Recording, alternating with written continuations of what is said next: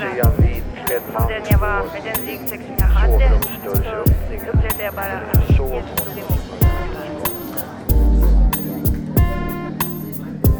Röster från Sankta Clara med Maj-Lis Johansson. Välkommen till Sankta Clara kyrka och till Sveriges kristna radio och till det program som vi kallar för Klara röster. Idag skulle jag intervjua Börje Norlén ifrån, var är du? Jag kommer från eh, nordvästra Ångermanland, en plats som heter Junsele. Jag växte upp i ett kristet hem där, där föräldrarna var pingstvänner så att eh, jag fick det liksom med, med med modersmjölken det här med tron och gå i kyrkan och så här. Och det var liksom inget som man ifrågasatte utan det var snarare så att eh, det som hände det var att vi gick till Philadelphia på möte ungefär. Du är ju musikalisk. Du har ju varit med mig många gånger på lunchmusiken. Du spelar gitarr och din brorsa var med och sjöng och spelade. Är det roligt att sjunga och spela? Ja, det tycker jag är roligt fast det är inte min huvuduppgift kan jag inte säga. Men eh, när jag sjunger med min bror då tycker jag vi, vi är så vana vid varandra så att det funkar så bra tillsammans. Börje, eh, du är gift med Görel, du har tre barn och du har sonhustru och du har måge och du har barnbarn. Ja. Det är det liv som alla skulle önska att få. Alla får ju inte det. När det gäller att tjäna Gud, har du lärt dina barn från början det här med som du själv fick, att tro på Gud? Eller var det också bara automatiskt i familjen? Jag har försökt att inte tvinga på barnen min tro. Men eh, vi har ju väldigt eh, snälla barn tycker jag. Och de har alltid följt med och, och trivs på, på mötena. Och det bästa av allt är att eh, de har fått en egen personlig relation till Gud.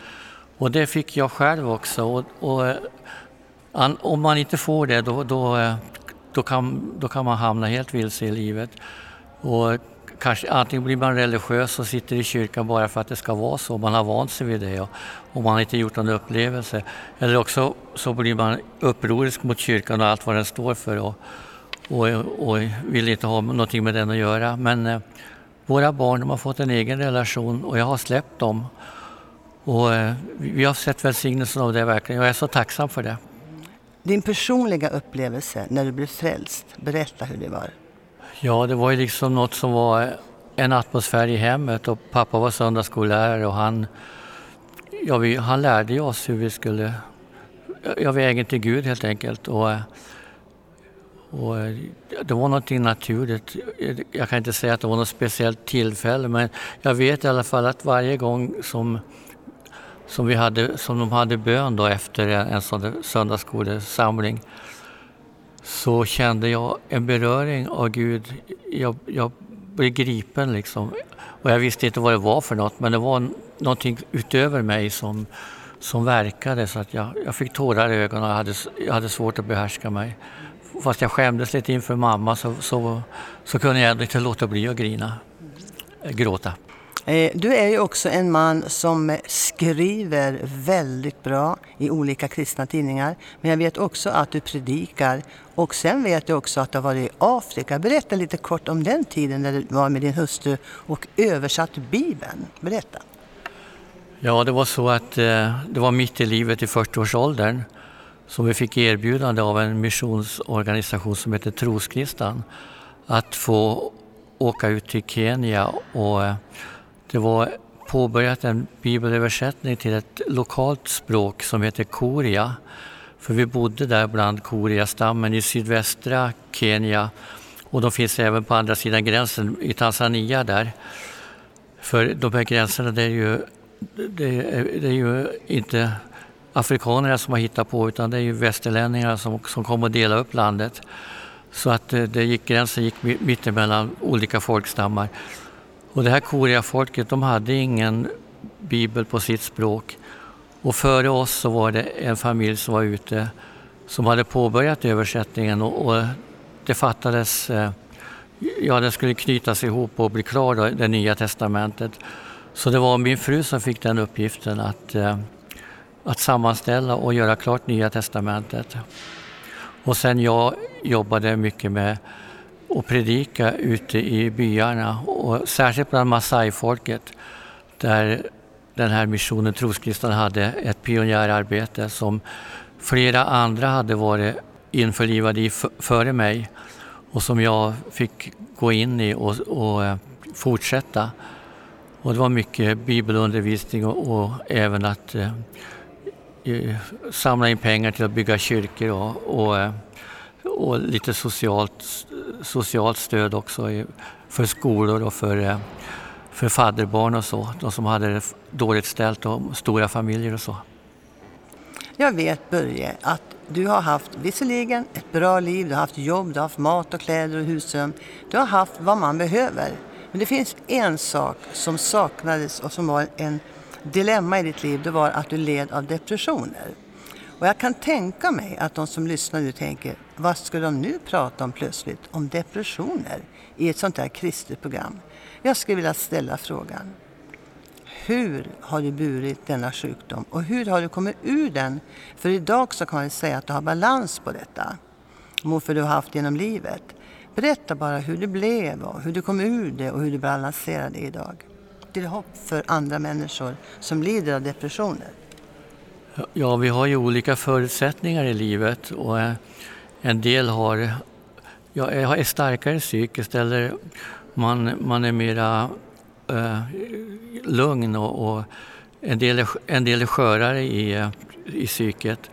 Och jag tillhör väl de som eh, eh, ja, att det, när det går för långt och blir för mycket stress och så och jag börjar bekymra mig om saker då, eh, då kan det gå ganska fort att det, att det börjar göra ont i magen och att eh, jag tappar alla dimensioner på livet. Och det kan kännas hopplöst fast om man, om man tittar på det rent ytligt utifrån och man pratar med en annan människa så kan man tycka att ja, det här var väl inte så farligt. Du har ju ett jättebra liv, en fin familj och du har ju stabilitet i tillvaron. Det finns ju så många som har det mycket värre.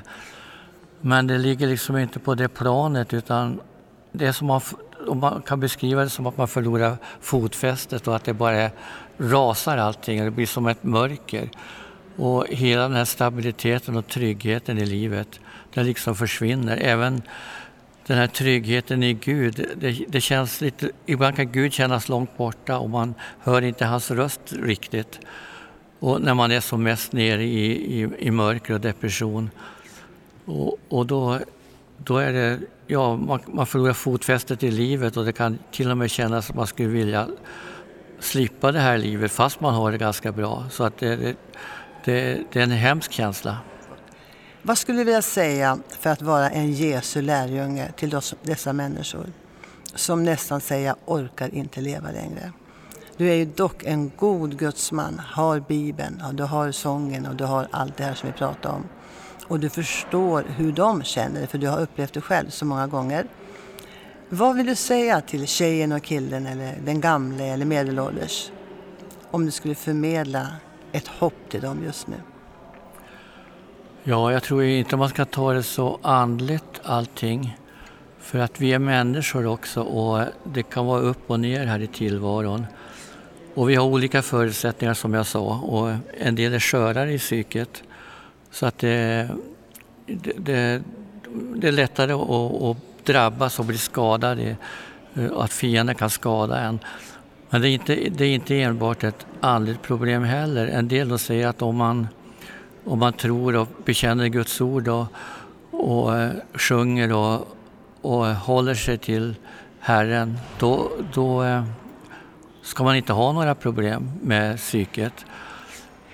Man, då ska man leva i seger. Men det, det är en sak att, att man, man ska ha en bra bekännelse och man ska ha ett, ett, ett stabilt andligt liv. Men eh, det är en annan sak att vi kan, vi kan ha svagheter i vår natur.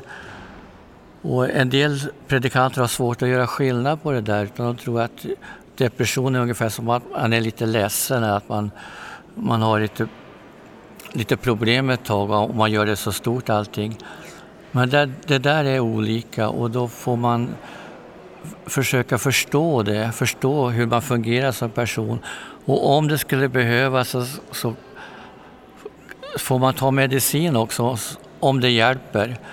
För en del säger att eh, ja, man, man, ska inte, man ska inte ta några nervlugnande och, och en del kallar det för lyckopiller.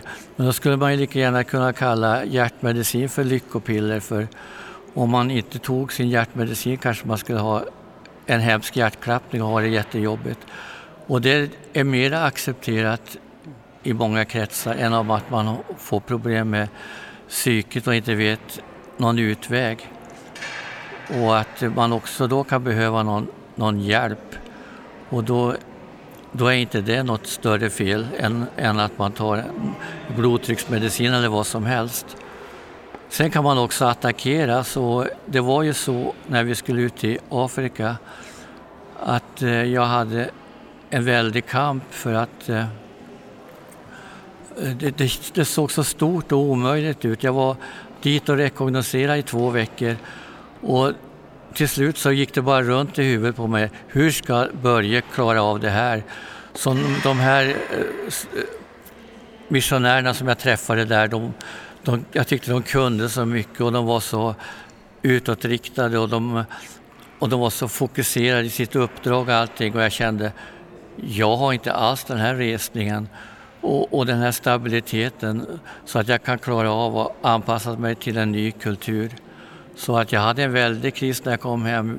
Jag, jag var oerhört deprimerad och bara såg mörker. Så jag kommer nog aldrig ut i Afrika. Men så var det som att Gud rörde vid mig och det, det vände som en hand. Och, och eh, vi kom ut och när jag kom ut dit då, då, kände jag att här hör jag hemma.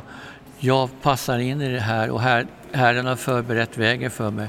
Fast det kändes verkligen inte så innan. Många brukar berätta om hur, vilka underbara upplevelser de har innan de kommer ut, hur Gud har talat till dem och, och att det bara har öppnat sig. Att, att, ja, det är liksom bara att springa in i uppdraget. Så var det inte för mig. Och så kan det vara, man kan attackeras till sinnet.